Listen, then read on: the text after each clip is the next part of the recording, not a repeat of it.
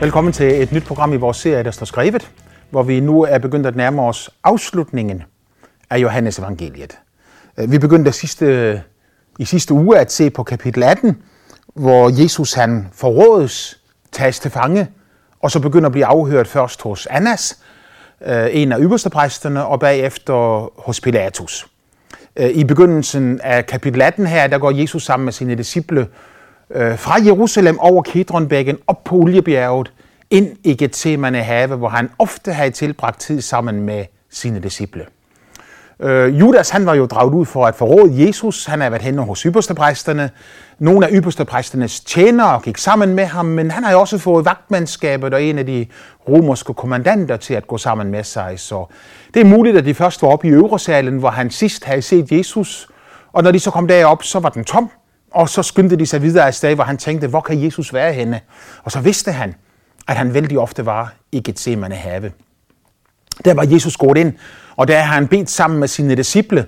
Og nu kommer så Judas og vagtmandskabet ind med fakler, lygter og våben, og vil tage Jesus til fange. Jesus stiller sig frivilligt frem og siger, hvem leder I efter?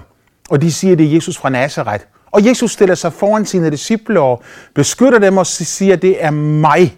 Så siden det er mig, I leder efter, siger han, så lad disse gå. Og vi så i vores sidste program, hvordan at Peter, spontane, herlige, vidunderlige Peter, som sagde, at han aldrig nogensinde ville forråde Jesus, aldrig nogensinde ville forlade ham, men han var parat til at dø sammen med ham. At han trækker sit svær og slår ud efter en af ypperste præstens tjenere, og formentlig rammer ham, som er leder af flokken. Øh, I hvert fald så kender vi hans navn, for Johannes siger, at han hedder Malkus, og, og, Peter han hugger øret af ham. Men Jesus, han bøjer sig ned, og han siger til Peter, stik dit svær i skeden igen. Skulle jeg ikke drikke den kalk, min far har givet mig at drikke? Så, så han sætter Peter i rette, og så siger han, vi, vi kæmper ikke med kødelige våben, vi kæmper ikke med menneskelige våben, så få det svær væk, Peter. Hvorefter han vender sig til ypperste præstens tjener, bøjer sig ned, samler hans ører op fra jorden, og sætter det tilbage på plads igen. Og hvilket mirakel der sker. Ikke at bare bliver øret siddende fast på hovedet af den unge mand, men øh, vi må formode også, at al blødning stansede lige med det samme, og hvis du havde gået hen og betragtet ham bare et øjeblik senere, så ville du have set et guddommeligt mirakel, som om øret aldrig nogensinde havde været slået af. Jeg ved ikke, hvad ypperste præstens tjener han tænkte i det øjeblik, men han må jo have overvejet, hvad er det for en fantastisk kraft, og måske oven i købet begyndte at, at angre og at fortryde, at han var kommet ud for at tage Jesus til fange. Men sammen med ham var en romersk kommandant og romerske soldater og de andre ypperste præstens tjenere, så de havde ikke noget valg andet end at tage Jesus til fange. I det øjeblik, de tager ham til fange, så flygter alle hans disciple. Også fordi Jesus han siger, lad disse gå, det er jo mig, I er kommet efter. Så de tager Jesus alene og går nu hen til ypperstepræsten ypperste præsten med ham, fører ham først til Annas, som var svigerfar til Kajfas, der var ypperste præst i det år. Det var den Kajfas, siger Johannes, som havde givet jøderne det råd, at det var bedst, at et menneske døde for folket, end at hele folket gik til grunde. Øh, de var jo forvirrede lederne blandt jøderne og snakkede sammen om, øh, hvad det ville ske, når alle folk nu begyndte at følge efter Jesus. De overvejede, om Jesus kunne være Messias, men så spillede de deres politiske rænkespil, og Kajfas han siger, at det er bedre, at vi slår Jesus ihjel, så romerne lader os være i fred, i stedet for at vi får en stort oprør på halsen. Øhm, netop det, han havde profeteret, fordi han var ypperste præst, var ved at gå i opfyldelse. For en var ved at dø for hele folket. Øh, Annas, øh, han var ypperste præst fra år 6 til 15. Øh, der blev han afsat af en romersk leder, som hed Valerius Gaius, og efter ham kom hans sønner ind og blev ypperste præst, faktisk fire af dem. Mens hans svigersøn Kaifas, han blev ypperste præst i år, i år 18 og helt frem til år 36. Så i al den tid, hvor Jesus vandrede rundt på jorden, så var det altså Kaifas, der var ypperste præst. Men Annas, han sagde så, der er lidt bagved og trak i trådene og var ypperste præstens rådgiver øh, og havde så stor en magt, at mange faktisk betragtede ham som den egentlige ypperste præst, øh, mens han var rådgiver og mentor for Kajfas. Han kommer så Til ham kommer Jesus hen, og i et kort afhør, uden nogle resultater, øh, så tager Kajfas og sender Jesus videre derfra. Øh, undskyld, jeg mener, Annas tager Jesus og fører ham videre derfra. Øh, de andre evangelister, de fortæller om mødet med Kajfas, hvordan at de der anklager Jesus for øh, at gøre sig selv gudlig, og øh, faktisk siger, at når du siger, at du er Gud, så vil vi dømme dig til døden. Der blev Jesus hånet og spottet, og han blev ført fra det ene sted til det andet, øh, på vej frem imod sin endelige bestemmelse. Øh, det er meget muligt, at øh, Kajfas og Annas de boede i det samme hus i Jerusalem, så at gå fra Annas til Kajfas, det var stort set bare at gå fra det ene værelse ind i det andet. Mens Jesus var der hos ypperstepræsten, så havde øh, nogle af hans disciple, i hvert fald to af dem, nemlig Peter, og så en anden disciple, øh, som Bibelen ikke navngiver, men der står bare her i vers 15, at Simon Peter og en anden disciple fulgte efter Jesus. Denne anden disciple var kendt med ypperstepræsten, og han gik nu ind i ypperstepræstens præstens gård sammen med Jesus, og, og Peter står så udenfor, men denne anden disciple, han får en af tjenestepigerne til at lukke døren op, så Peter også kan komme ind. Vi tror, at denne anden disciple er Johannes selv, og at Johannes han i kraft af sit øh, familieforhold havde nogle øh, kontakter til præsteskabet i Jerusalem. Øh, han var muligvis i, i, i familie med Johannes Døberen, og Johannes Døbers far, han var jo præst i Jerusalem, så her finder du en link direkte ind til ypperstepræstens gård, hvor øh, øh, Johannes Døberens far ofte havde været i tjeneste i templet og havde boet der, og nu øh, var det så, at hans øh, slægtning Johannes han fik øh, skabt adgang ind i ypperstepræstens gård for Peter. I det øjeblik, at pigen hun lukker døren op for at lukke Peter ind, så ser hun på ham, og så siger hun, er du ikke også en af dem, som fulgte efter ham, Jesus Galilæeren? Hvortil Peter blankt nægter og så siger, nej, siger han så, jeg ved ikke, hvem han er. Nej, jeg er ikke. Øh, det var ikke så mange øjeblikke før en anden en siger det samme til ham, mens øh, Peter og Johannes de står ved kulilden og, og varmer deres hænder, og, og Jesus han er ved at blive anklaget og afhørt foran ypperstepræsterne, så er det endnu en, som øh, går ind og begynder at øh, anklage Peter og sige, du er sandelig også en af dem. I vers 25, i midlertid stod Simon Peter og varmede sig, der sagde de til ham, er du ikke også en af hans disciple? Og endnu en gang benægter Peter, at han er det. Hvorefter en tredje person begynder at tale til Peter. I vers 26. En af ypperste præstens tjenere, en slægtning af ham, som Peter havde hugget øret af, siger til ham, har jeg ikke selv set dig sammen med ham i haven? Så ikke bare var det Malkus, der var derude i haven, men øh, en af hans slægtninge var der også, og han var vidne til både, at Peter han hugger øret af, af Malkus, og også at Malkus han oplevede en guddommelig helbredelse og et mirakel igen. Den selv samme mand siger, jeg har jo set dig sammen med ham i haven. Der nægtede Peter det en gang til. Og, og, og de andre evangelier, de får jeg til, at han gjorde det, mens han bandede og svoglede. Fordi frygt og angst fyldte hans hjerte. Han så, at Jesus var ved at blive overgivet. Han så de ting, der var ved at ske med Jesus. Han så, hvordan de mishandlede ham. Ikke bare så han det, men han havde jo også prøvet på at beskytte Jesus. Han havde prøvet på at forsvare ham, men Jesus ville ikke beskyttes. Han, han ville ikke forsvares. Faktisk så, så, så gengiver Matthæus ord fra Jesu mund ude i Gethsemane have, som vi ikke hører nogen andre steder. For Matthæus han siger, at Jesus derude i det øjeblik, da, da Peter træder ind for at forsvare ham, så siger Jesus, har jeg ikke magt til at bede faderen sende 12 legioner engle til at beskytte mig? En romersk legion kunne være helt op til 10.000 mennesker. Så Jesus siger med andre ord, jeg har magt til at bede faderen, og, faderen vil sende 120.000 engle som vil beskytte mig og trække mig bort herfra, hvis jeg bad om det. Jesus ville ikke bede om det. Han var parat til at give sit liv. Peter var så forvirret. Så nu turde han ikke længere i det hele taget at bekende, at han kendte Jesus og den selv samme mand, som kort tid i forvejen havde sagt, at øh, jeg er parat til at dø sammen med ham. Han banner og sværger nu på, at han ikke kender Jesus. I samme øjeblik, så hørte han hanen gale. Og jeg ved ikke, hvad der gik igennem Peters tanker der. Øh, det er Lukas, som fortæller os, at i det øjeblik, da hanen galede, så så Peter på Jesus, og Jesus så på Peter. Deres øjne mødtes i et nu, i et øjeblik.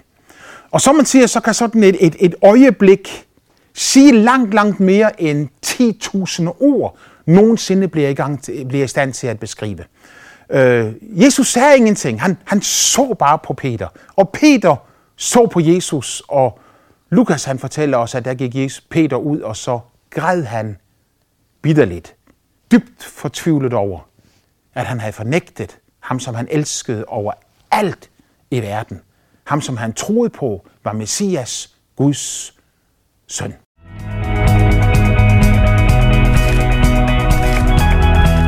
Han gik udenfor og græd bitterligt. Men stadigvæk så var der i det blik, som Jesus havde kastet på ham. Ikke foragt, ikke ringeagt, ikke nederlag. Men Jesu øjne strålede af kærlighed på så stærk en måde, at selv om Peter gik ud og græd bitterligt, så var der alligevel et håb inde i ham. Og når han få dage senere hørte, hvordan at Jesus var opstået fra de døde, så var han en af de allerførste, som stormede ud til graven. Og han holdt sig ikke udenfor, men han måtte ind for at se, om det var sandt, at Jesus ikke var der længere. Senere fik han et møde med Jesus, som vi kommer til at tale om i nogle få programmer længere fremme fra i dag, øh, hvor han møder Jesus igen, og hvor Jesus han genindsætter ham i tjenesten. Så når du møder ham i apostlenes gerninger, så er Peter blevet en af lederne blandt disciplene. Det betyder selvfølgelig for dig og mig også, at også når vi kommer til at svigte på den ene eller den anden måde, når vi ikke klarer magter at holde alle vores løfter og gøre alt det, som vi havde tænkt os at gøre, så er Gud stadigvæk en god Gud og en barmhjertig Gud. Jeg kan huske, da jeg var nogenlunde øh, nyfrelst. Jeg havde kun været en kristen, øh, en bevidst kristen i, i, i et års tid eller sådan noget, så var jeg kommet til at elske Jesus så meget, fordi jeg havde oplevet så meget af hans godhed og kræfter. Jeg troede på det ord, han talte til mig, og jeg mærkede hans helligånd i mig og over mig, og jeg så, hvordan han, han gjorde sine vidunderlige gerninger. Også i dag helbredte syge, frelste mennesker, forvandlede liv. Og når jeg så alt det der, og ikke mindst hvad han gjorde ved mig selv også, så blev jeg så dybt forelsket og fyldt af kærlighed til Jesus, at jeg faktisk sagde, jeg vil aldrig mere gøre en eneste ting forkert. Øh, det er et tåbeligt løfte at aflægge, fordi øh, i vores faldende tilstand, så magter vi ikke at gøre alting perfekt og rigtigt. Men jeg mente det af hele mit hjerte, at jeg vil leve et rent liv. Jeg vil ikke gøre en eneste ting forkert. Jeg vil ikke tænke en forkert tanke. Jeg vil ikke sige et forkert ord. Og jeg vil ikke gøre en forkert gerning. Jeg kom så meget til kort, fordi jeg fandt ud af, at øh, alt, hvad jeg prøvede på at gøre, mislykkes på den ene eller den anden måde. Øh, faktisk ganske interessant, når du læser hos profeten Esajas, så taler han om menneskets egen retfærdighed. Og, og det er jo netop det, som kommer ud af mine egne anstrengelser. Når jeg lover Gud, at jeg vil være perfekt og fuldkommen på alle måder, ikke sandt, så er det min egen retfærdighed, jeg på den måde fremstiller. Og profeten Esajas han siger, at menneskets egen retfærdighed er i Guds øjne som en tilsølet klædning. Vi kan ikke tilfredsstille Guds retfærdighedskrav. Derfor døde Jesus for os på korset, så vi kunne få et helt nyt liv i ham. Og jeg vil sige det til dig, at hvis du forsøger på i egen kraft at tilfredsstille Gud, hvis du forsøger på at gøre så godt du kan, så Gud kan blive tilfreds med dig, så er du mislykket, før du begynder. Se nu på Peter her som svigtede Jesus. Og det er ikke en opmundring fra min side om at svigte Jesus, eller bande på, at du ikke kender ham, eller, eller lyve om, at du ikke kender ham. Det, det er slet ikke der, jeg vil hen. Men jeg vil bare sige det til dig, at der, hvor mennesket kommer til kort, der er det, at Gud kan begynde. Vi er nødt til at stanse med os selv, før Gud kan få lov til at gøre en gerning i vort liv.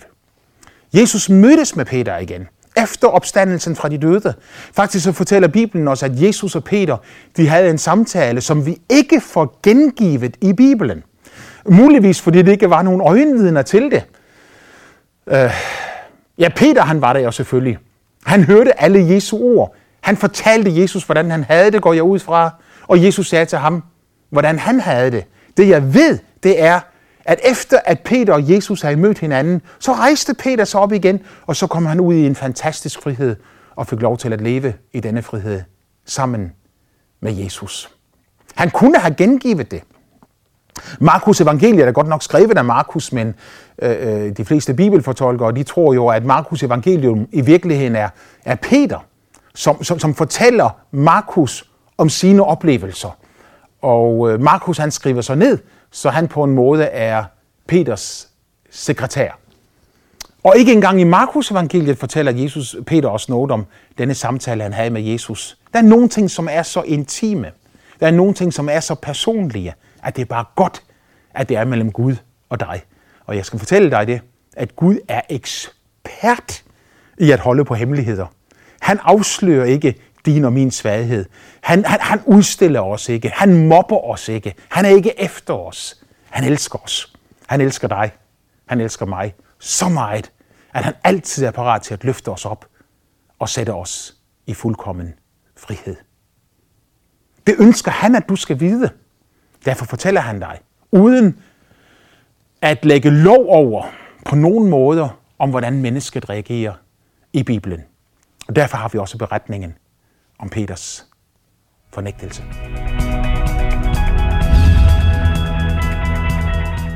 Mens Peter fornægter Jesus, og Jesus han står først foran Annas, og bagefter foran Kajfas også, og bliver dømt for blasfemi, fordi han gør sig selv gudlig. Øh, så må de jo ikke, jøderne måtte ikke øh, øh, slå nogen ihjel, de havde ikke ret til at afsige dødsdomme eller udrette dødsdomme, fordi de var besat af romerne. Så de tager så Jesus og sender ham hen til Pilatus. I vers 28, de fyrer nu Jesus fra Kajfas til landshøvdingens borg. Det var ved daggry. Men de gik ikke selv ind i borgen, for at de ikke skulle blive urene, men kunne holde påskemåltid. Her tager man den rene, ham som aldrig har syndet og aldrig gjort noget forkert. Ham, som man ikke kunne overbevise om nogen skyld, og man kunne ikke dømme ham for nogen ting. Så de fik falske vidner til at stille sig frem og lyve om ham. Og efter at de har fået falske vidner til at lyve om ham, om ham og bevidst har forsøgt på at fremstille ham i det dårligst tænkelige lys, som de dog ikke kunne bevise, så nægtede de selv at gå ind i ypperste, øh, ind i øh, uh, landshøvdingens borg, ind til uh, romerne, ind til Pilatus, fordi så ville det blive urene. Jeg mener, øh, kan man blive mere hykleriske? Det ene øjeblik lyve, bedrage, øh, forsøg på at lave sit politiske rænkespil. Og i næste øjeblik står så hellige og fromme der, nej, jeg vil ikke gå ind i landshøvdingens borg, for så bliver jeg uren. Jeg kalder det hyggeleri af værste skuffe. Det var en af årsagerne til, at de var så sure på Jesus og så vrede på Jesus.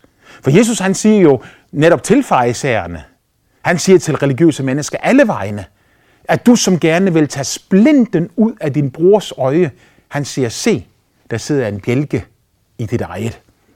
Vi har så let ved og så hurtigt ved at forsøge på at dømme mennesker og anklage mennesker for alle mulige ting mellem himmel og jord.